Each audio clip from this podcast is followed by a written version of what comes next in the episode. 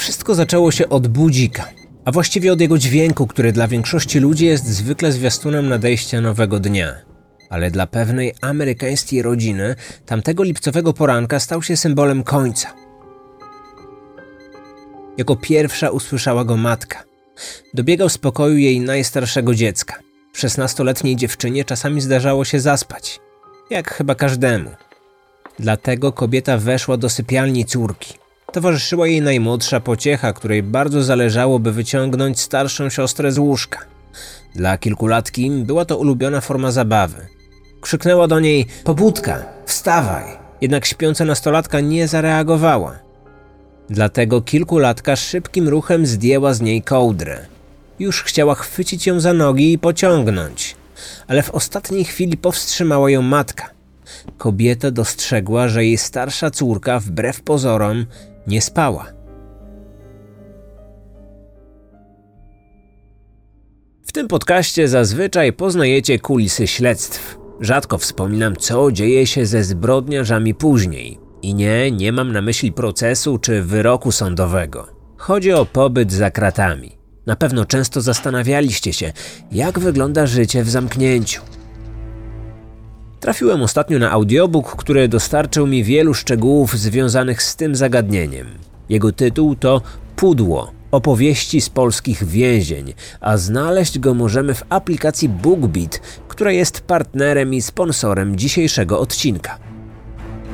Autorka Nina Olszewska przedstawia nam historię osadzonych, koncentrując się na ich życiu w więzieniu. Dowiadujemy się, jak wygląda typowy dzień w polskiej celi, na co lub na kogo skazańcy muszą uważać, aby przetrwać i nie podpaść. Na czym polega grypsowanie i czy wciąż jest popularne? To podróż przez świat, do którego nikt nie chciałby trafić. Po tej lekturze sporo myślałem o procesie resocjalizacji i o tym, jak trudne jest to zadanie. Serdecznie polecam Wam ten audiobook. Słucha się tego jak dobrego podcastu. Jeżeli są tutaj słuchacze, którzy nie mają jeszcze konta na BookBeat, to warto założyć je z kodem promocyjnym. Rejestrując się z hasłem Kryminatorium, dostaniecie dostęp do pakietu BookBeat Basic na 30 dni za darmo, pozwalający na odsłuch 20 godzin audiobooków. Informacje związane z rejestracją na BookBeat znajdziecie w opisie odcinka.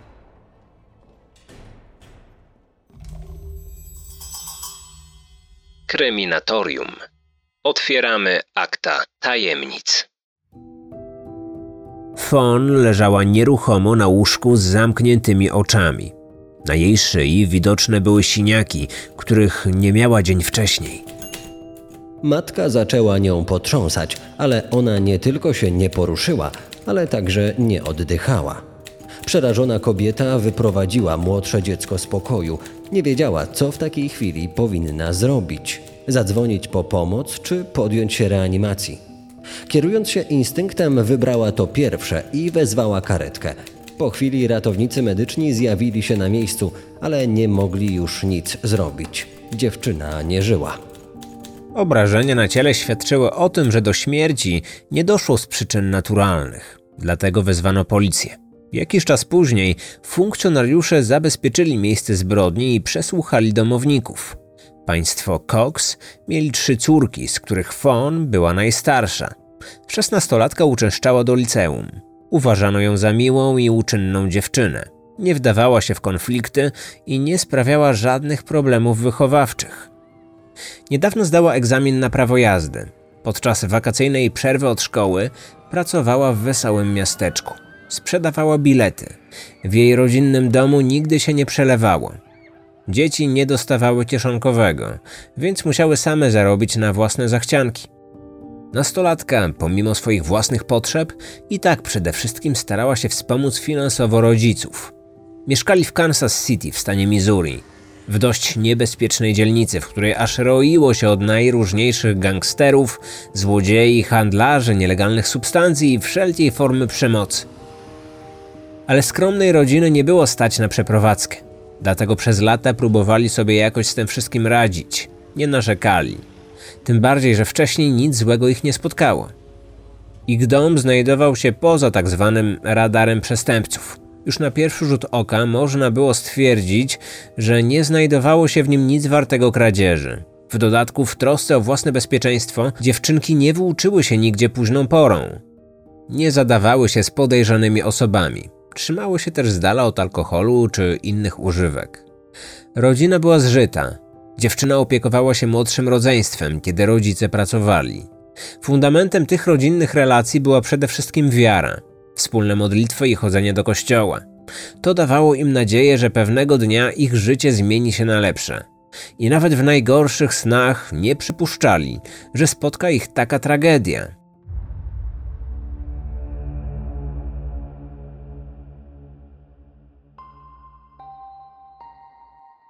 Policjanci szybko ustalili, co wydarzyło się wieczór wcześniej. Jak już wspomniałem, pracowała w wesołym miasteczku w rodzinnym mieście.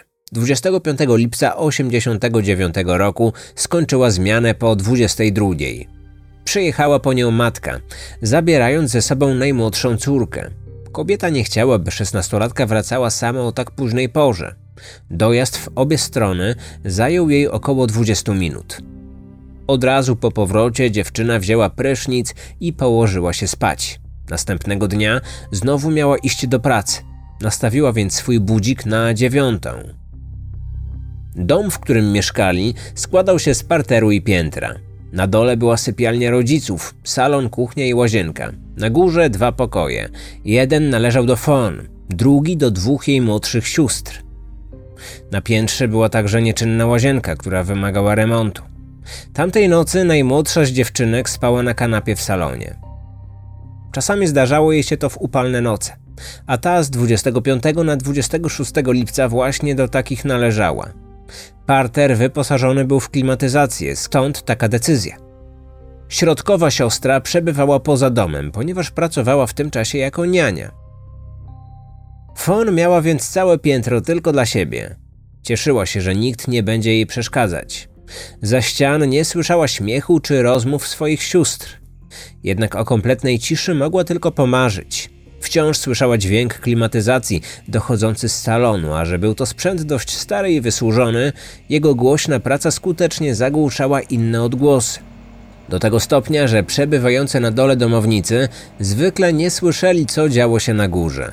Tak też było tamtej tragicznej nocy. Do ich uszu nie doszedł żaden krzyk czy jęk, podobnie jak jakiekolwiek wołanie o pomoc. O ile takie w ogóle miało miejsce. Ale zwrócili uwagę na szczekanie psa. W szczególności zareagowała na nie dziewczynka śpiąca na kanapie, którą ten hałas obudził. Choć spojrzała wtedy na zegar, nie zapamiętała dokładnie godziny. Nie przypuszczała, że ta wiedza okaże się do czegokolwiek potrzebna.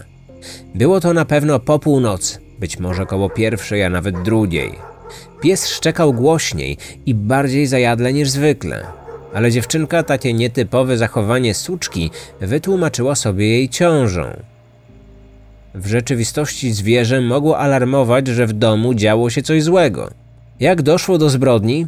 To było jedno z najważniejszych pytań, na które śledczy musieli znaleźć odpowiedź. Już na początku wykluczyli domowników z grona osób podejrzanych. Ojciec, matka i siostry nie mieli nic wspólnego ze śmiercią. Śledczy liczyli, że sprawca pozostawił po sobie jakieś ślady. Okna w miejscu zbrodni oraz w sąsiednim pokoju nie były zamknięte. Domownicy pootwierali je w ciągu dnia i co istotne, w pobliżu domu stał stary samochód. Założyliśmy, że sprawca po nim wdrapał się do góry. Na drzwiach frontowych nie było żadnych oznak włamania. W salonie i innych pomieszczeniach na dole nie znaleziono odcisków stóp czy innych dowodów świadczących, że sprawca chociażby tamtędy przeszedł. A na parapecie w pokoju dziewczyny pozostały ślady błota. Dlatego policjanci przyjęli, że zabójca wszedł przez okno. Oprócz tego zabezpieczono całkiem sporą ilość DNA. Niewielkie i zaschnięte czerwone plamy, które okazały się krwią zamordowanej. Kilka krótkich włosów znalezionych w różnych zakątkach pomieszczenia. I ślady nasienia na pościeli. Dwa ostatnie tropy zostawił sprawca. Obecność nasienia na miejscu zbrodni oczywiście sugerowała, że przed śmiercią dziewczyna została zgwałcona. Te przypuszczenie potwierdził lekarz sądowy. Sekcja zwłok wykazała także, że szesnastolatka zmarła w wyniku uduszenia, prawdopodobnie gołymi rękoma. Stąd na jej szyi pojawiły się zasinienia, na które zwrócili uwagę nawet jej bliscy. Ofiara próbowała walczyć ze swoim oprawcą, ale nie miała szans. Do zgonu doszło w środku nocy, na kilka godzin przed znalezieniem ciała. Niektóre źródła podają, że sprawca odbył stosunek ze zwłokami. Pewne było tylko to, że sprawcą był mężczyzna. Wszedł do domu przez otwarte okno. Po wtargnięciu do środka rzucił się na dziewczynę, zgwałcił ją i udusił. Sposób, w jaki nastolatka umarła, skłaniał ku tezie, że zabójca kierował się motywem seksualnym. Ale wraz z pojawieniem się nowych odkryć, w tej sprawie nic już nie było takie oczywiste. Okazało się, że sprawca dokonał jeszcze kradzieży. Z sypialni dziewczyny zniknęło radio, konsola do gry oraz kilka innych przedmiotów. W trakcie przeszukiwania całej posesji policjanci natknęli się na część z nich leżących na zewnątrz domu pod oknem. Z jakichś powodów sprawca nie zabrał ich ze sobą. To wydawało się dziwne. W końcu zadał sobie trud, aby wynieść te przedmioty z domu i nagle je zostawił? Wiele wątków tej sprawy podpowiadało śledczym, że sprawca znał rodzinę, co by oznaczało, że celowo wybrał ten konkretny dom. Wiedział, jakie mieli tradycje i zwyczaje, kto był w tamtym czasie w domu i w którym pomieszczeniu. Przeszukując sypialnię sąsiadującą z pokojem dziewczyny, policjanci odkryli znaczący szczegół. Mieściła się tam szafa na ubrania. Ktoś przeniósł z niej część ubrań. Leżały rozrzucone po podłodze. Jak ustaliliśmy, nie zrobił tego nikt z domowników. Dzięki tej informacji pojawiła się w naszych głowach nowa teoria. Zakładała ona, że sprawca wyniósł ubrania z szafy po to, by zrobić sobie miejsce.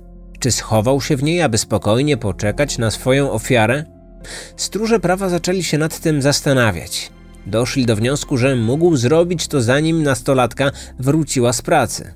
W czasie, kiedy matka i siostra po nią pojechały, a w domu przebywał tylko śpiący ojciec. Więc mógł być już wcześniej w tym domu. Śledczy założyli, że prawdopodobnie orientował się, co i gdzie się znajdowało. Wiedział, kiedy ojciec kładzie się spać, kiedy matka jedzie po córkę do wesołego miasteczka, kiedy siostra ofiary wychodzi z pracy. Może nawet wiedział, że tej nocy szesnastolatka będzie spać sama w pokoju, że w sypialni obok nikogo nie będzie, że najmłodsza z rodziny wybrała spanie w salonie. Zebrał ze sobą kilka rzeczy, ale zarazem pozostawił coś po sobie. I nie mówię tu tylko o śladach DNA. Oprócz tego zabezpieczono wojskową czapkę z daszkiem. Rodzina potwierdziła, że ta część garderoby nie należała do żadnego z domowników, a to oznaczało, że miał ją na swojej głowie zabójca i musiał o niej zapomnieć albo ją zgubić. Jednak nikomu z rodziny nie przychodziło do głowy, kto to mógł być. Nie mieli żadnych wrogów, podobnie jak szesnastolatka. Dziewczyna należała w szkole do grupy popularnych uczennic. Łatwo nawiązywała nowe znajomości. Podobała się chłopakom, ale nigdy nie zaszła nikomu za skórę.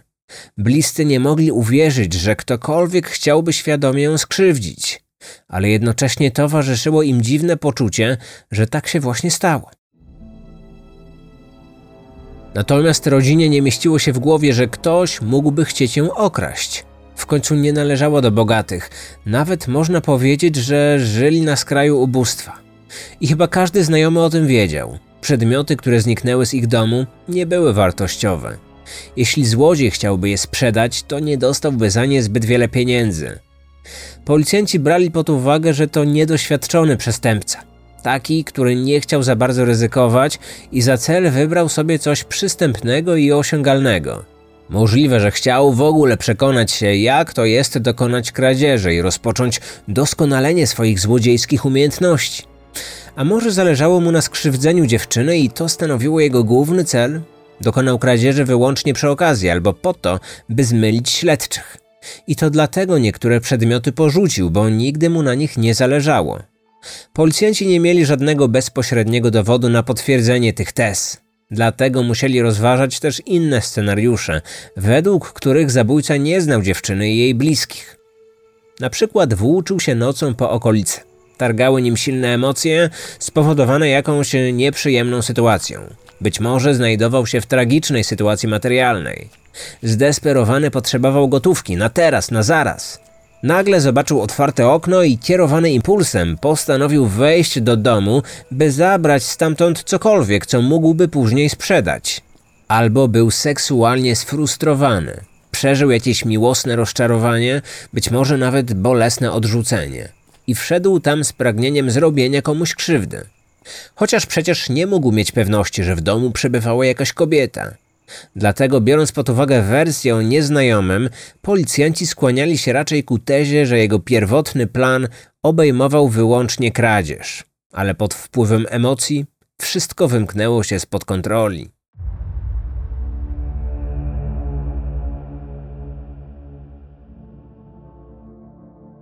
Policjanci przesłuchali sąsiadów. Podobnie jak w przypadku rodziców i siostry, nikt niczego nie słyszał i niczego nie widział. Jednak jakiś czas później jeden z potencjalnych świadków zmienił swoją wersję. W końcu przyznał, że ma cenne informacje. Nie wiadomo, kto to był i co dokładnie przekazał policji, ale słowa tej osoby doprowadziły do zatrzymania trzech młodych mężczyzn. Timothy, Christopher i Leonard byli dwa lata starsi od ofiary. Uczęszczali niegdyś do tego samego liceum co ona. Stamtąd ją znali. Przynajmniej jeden z nich podobno należał do gangu działającego w okolicy. Wszyscy oni usłyszeli zarzuty związane z włamaniem, morderstwem i zgwałceniem. W ich domach odnaleziono przedmioty wyniesione z pokoju ofiary. Jednak początkowo żaden z nich nie przyznał się do winy. W późniejszym czasie jeden z nich postanowił współpracować z policją.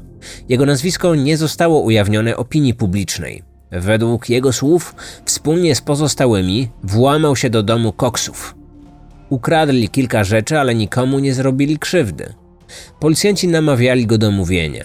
Proponowali, że jeśli będzie dalej z nimi współpracować, to wstawią się za nim u prokuratora, że załatwią mu oddalenie wszystkich zarzutów. Ale on nie skorzystał z tej oferty. W najmniej spodziewanym momencie wycofał swoje wyjaśnienia. Wykorzystując swoje prawo do zachowania milczenia, przestał odpowiadać na kolejne pytania. Nie wiadomo skąd pojawiła się u niego ta wcześniejsza chęć rozmowy. Być może chodziło o fakt, że policja odnalazła w ich domach skradzione przedmioty, a on chciał się w ten sposób wybronić od zarzutu morderstwa, ale ostatecznie zdecydował się milczeć. Zdawał sobie sprawę, że policja nic na nich nie miała, przynajmniej w kwestii zabójstwa. Od jednego z podejrzanych pobrano DNA. Próbkę porównano z materiałem genetycznym znalezionym na miejscu zbrodni. Jakiś czas później prokuratura poinformowała media, że wynik był niejednoznaczny. Badanie ani nie potwierdziło, ani nie wykluczyło jego sprawstwa.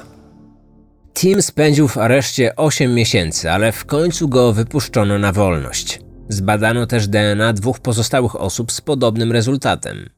Zastanawiające jest również to, co stało się z zarzutami dotyczącymi włamania i kradzieży. Nawet jeśli nie zabili i nie wykorzystali ofiary, to raczej śledczy nie mieli wątpliwości, że wynieśli kilka rzeczy z pokoju ofiary. Co zresztą jeden z podejrzanych niejako udowodnił, zdradzając pewien szczegół, o którym mógł wiedzieć wyłącznie włamywacz. Powiedział, że albo któryś z jego kolegów, albo on wyrzucił przez okno pewien przedmiot na podwórko i nikt później go nie podniósł. Wytłumaczył śledczym, w którym miejscu powinni go znaleźć. Stróże prawa sprawdzili to i okazało się, że podejrzany mówił prawdę. Dokładnie ten sam opisany przez niego przedmiot leżał w dokładnie tej samej lokalizacji, czyli uczestniczyli we włamaniu i kradzieży, za co później zostali skazani.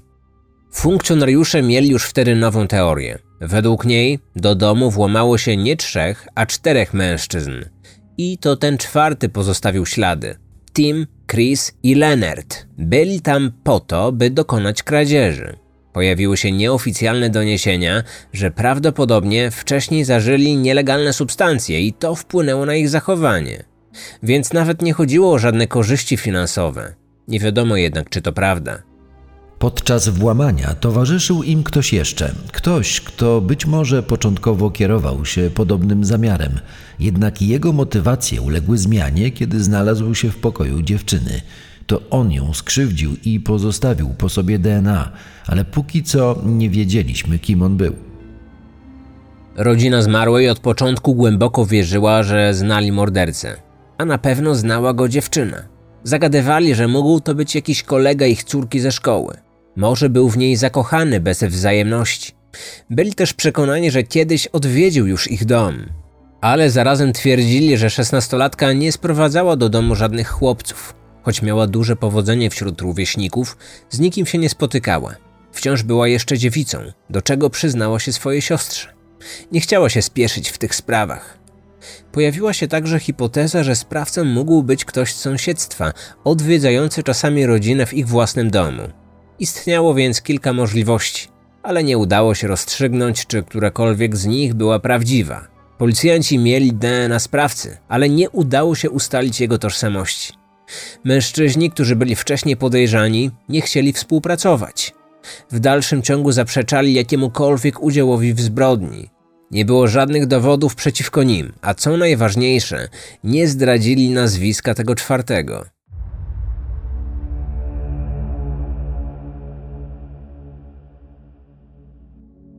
Śledztwo w końcu stanęło w martwym punkcie. Nie było więcej świadków i tropów. DNA, które znaleziono na miejscu zbrodni, nie dało żadnej odpowiedzi. Jednak stale funkcjonariuszom towarzyszyła nadzieja, że pewnego dnia, dzięki rozwojowi technologii, będą mogli tę sprawę zamknąć. Na początku XXI wieku, czyli ponad 10 lat później, DNA sprawcy porównano z próbkami zgromadzonymi w ogólnokrajowej bazie CODIS, przechowującej próbki należące do skazanych przestępców z całych Stanów Zjednoczonych. Niestety okazało się to bezowocne. Zabójca nie znajdował się w bazie, czyli nigdy nie został za nic skazany.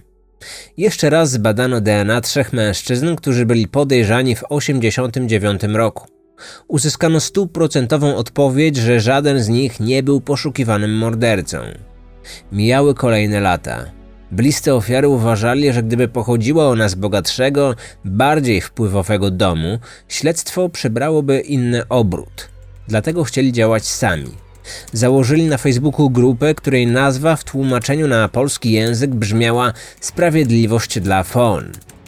Środki pieniężne, które udało się zebrać od darczyńców, przeznaczono na billboardy przypominające o tej zbrodni. Na każdym z nich umieszczono zdjęcie szesnastolatki.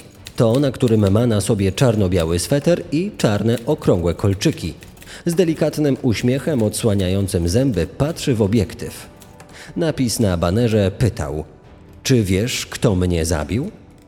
Pod nim widniała informacja o tym, że za pomoc w rozwiązaniu sprawy oferowana jest nagroda w wysokości 10 tysięcy dolarów. Rodzina liczyła na cud, na to, że ktoś się zgłosi do nich lub na policję i zdradzi jakiś szczegół, który pomoże rozwiązać sprawę. Ale telefon uparcie milczał, a wszyscy czuli ogromne rozczarowanie. Zwłaszcza, że w telewizji często słyszeli o nowinkach w dziedzinie nauk ścisłych, o technologiach, które rewolucjonizowały kryminalistykę, chociażby fenotypowanie DNA, które pozwala odtworzyć wygląd zewnętrzny sprawcy. Informacje dotyczące jego skóry, włosów, wagi, wzrostu, a nawet znaków szczególnych, takich jak piegi, wraz ze zbliżonym portretem jego twarzy. Podobne nadzieje dawała genetyka genealogiczna, czyli ustalenie czyjejś tożsamości na podstawie pokrewieństwa z innymi osobami. Co jakiś czas spotykali się z newsami, że dzięki tym metodom udało się rozwiązać sprawy kryminalne sprzed kilku dekad. Takie, w których jedynym dowodem było DNA. I byli coraz bardziej rozgoryczeni. Śledczy z innych miast skutecznie wykorzystywali nowe możliwości, ale ci z Kansas City tego nie robili. Dlatego w 2019 roku, czyli 30 lat po zbrodni, rodzina Cox postanowiła ich bezpośrednio o to poprosić. Zależało im, aby DNA sprawcy zostało jeszcze raz przebadane, ale tym razem zgodnie z nowymi metodami kryminalistycznymi. Funkcjonariusze zapewniali, że sami wielokrotnie o tym myśleli, ale pojawił się pewien problem pieniądze. Tej konkretnej jednostki policji nie było na to stać. Ich budżet nie przewidywał takich wydatków. Jedno badanie to koszt rzędu kilku tysięcy dolarów. Ta wiadomość początkowo załamała rodzinę. Czuli się bezsilni. Przez lata kwestie finansowe spędzały im sen z powiek. Żyli właściwie na granicy ubóstwa. W dodatku w niebezpiecznej dzielnicy, w domu, w którym skrzywdzono bliską im osobę. Wielokrotnie zastanawiali się, czy tak by się stało, gdyby mieli lepsze warunki życiowe. Czy mieszkając w ładnym domu, w bezpiecznej okolicy, szesnastolatka nie spotkałaby swojego mordercy? Ta myśl nie dawała im spokoju. I teraz to pieniądze znowu stanęły na przeszkodzie, ale nie chcieli pozwolić, by zabójca nie poniósł odpowiedzialności. Dlatego założyli kolejną zbiórkę. Ich historia poruszyła wiele serc. Dzięki temu udało się uzbierać odpowiednią kwotę, która pozwoliłaby na przeprowadzenie potrzebnych badań. Po raz pierwszy od dawna wróciła nadzieja. Chcieli po prostu zamknąć ten rozdział. Bez tego trudno było im się ruszyć naprzód. Ale ich entuzjazm został szybko ostudzony. Policjanci oznajmili, że nie mogą wykorzystać tych pieniędzy. Nie chcieliśmy dopuścić takiej sytuacji. Proszę sobie tylko wyobrazić, do czego w przyszłości mogłoby to doprowadzić i jakie niosłoby za sobą konsekwencje. Wprowadziłoby to pewną zasadę. Jedne rodziny byłoby na to stać, inne nie. Od zasobności ich portfela zależałoby, czy sprawę udałoby się rozwiązać. To wprowadziłoby niesprawiedliwość, a przecież policja powinna pomagać każdemu w równy sposób. Rodzina argumentowała, że właściwie to nie były ich pieniądze. Sytuacja finansowa, w której się znajdowali, nie pozwalała na to, by sami wyłożyli taką sumę. Przez lata zmagali się z biedą i doskonale wiedzieli, czym była niesprawiedliwość społeczna. Dlatego właśnie założyli zbiórkę. Próbowali w ten sposób przekonać śledczych. Ale oni byli nieugięci. Powtarzali, że nie mogą postąpić w ten sposób, jednocześnie podkreślając, że szukali jakiegoś innego sposobu na pozyskanie funduszy. Dzięki interwencji rodziny, prezes pewnej organizacji zaoferował opłacenie tych badań. Miejscowa policja ponownie odmówiła. W tym również dostrzeżono niesprawiedliwość względem innych rodzin ofiar nierozwiązanych spraw. Bliscy zamordowanej dziewczyny zaczęli mieć pewne podejrzenia. Ich zdaniem policji tak naprawdę nie zależało na przebadaniu DNA. Wysnuli teorię, że próbki, które przed laty zabezpieczono, zostały w jakiś sposób zgubione lub zanieczyszczone. Gdyby tak faktycznie się stało i ta informacja ujrzałaby światło dzienne, to postawiłoby policję w złym świetle. W końcu materiał biologiczny był jedyną szansą na poznanie prawdy. Ale na szczęście okazało się, że to były jedynie domysły. Zebrane w 1989 roku ślady były bezpieczne. W końcu policjanci zwrócili się do Federalnego Biura Śledczego z prośbą o dofinansowanie badań i FBI zgodziło się pomóc. Kilka tygodni później przyszły wyniki. Śledczy poznali wtedy odpowiedź na pytanie, kto zabił dziewczynę. Okazało się, że od samego początku mieli rację. Zrobił to ktoś, kogo ofiara doskonale znała. Ktoś, kto wielokrotnie odwiedził jej dom. Ale nie chodziło o żadnego kolegę, sąsiada czy nieodwzajemnioną miłość. Nazywał się Donald Cox Jr. Zbieżność nazwisk nie była przypadkowa. Jak się zapewne już zdążyliście domyślić, ofiarę i sprawcę łączyło pokrewieństwo. Byli kuzynami. Niewiele o nim wiadomo. Pewne jest natomiast to, że mężczyzna w chwili popełnienia zbrodni miał 21 lat. Nie wiemy też, jak dokładnie wyglądały relacje pomiędzy nim a ofiarą. Czy się lubili, czy było może zupełnie odwrotnie? Czy dziewczyna podobała się swojemu kuzynowi? Rodzice i jedna z sióstr Fon nie skomentowali szerzej tej wstrząsającej wiadomości. Powiedzieli jedynie, że Donald zawsze sprawiał problemy. Był uzależniony od narkotyków. W 2006 roku przedawkował. W wyniku tego zmarł. Nigdy nikomu nie wspominał o swoim udziale w zbrodni. Podczas pierwszego śledztwa nie znalazł się w kręgu podejrzanych. Jego motyw do dziś pozostaje nieznany. Czy wykorzystał ją i zabił ze względu na głęboko skrywane uczucia lub żądzę seksualną? A może dokonał tego będąc pod wpływem narkotyków? Ciekawe są natomiast słowa drugiej siostry. W jednym z wywiadów zapytana o kuzyna odpowiedziała: Oni ewoluują. Najpierw dotykają i obmacują, gwałcą, by w końcu stać się mordercami, więc nie jestem tym zdziwiona. Te słowa sugerowały, że już wcześniej ze strony Donalda dochodziło do pewnych niebezpiecznych sytuacji. Czy skrzywdził kiedyś kogoś innego? I czy rodzina o tym wiedziała? Siostra zamordowanej nigdy nie doprecyzowała, o co konkretnie jej chodziło. Sprawca nie poniósł odpowiedzialności, jednak rodzina ofiary uważa, że to nie jest najważniejsze w tej sprawie. Dla nich istotne okazało się samo zamknięcie śledztwa, doczekanie ostatecznej odpowiedzi. Przez 31 lat tkwili w niewiedzy, która uniemożliwiała im normalne życie. Podkreślają, że teraz nie tylko oni zaznają spokoju, ale dostąpiła tego także dusza ich ukochanej córki i siostry. Źródła wykorzystane do stworzenia odcinka. Materiał z wiadomości telewizyjnych stacji KCTV5 News, opublikowany na platformie YouTube 18 lutego 2021 roku. Wpis z forum internetowego Websloves z wypowiedziami Amber Cox, siostry ofiary. Artykuły z takich portali informacyjnych i gazet jak Daily Journal, Vocal, CBS News oraz Kansas City Star.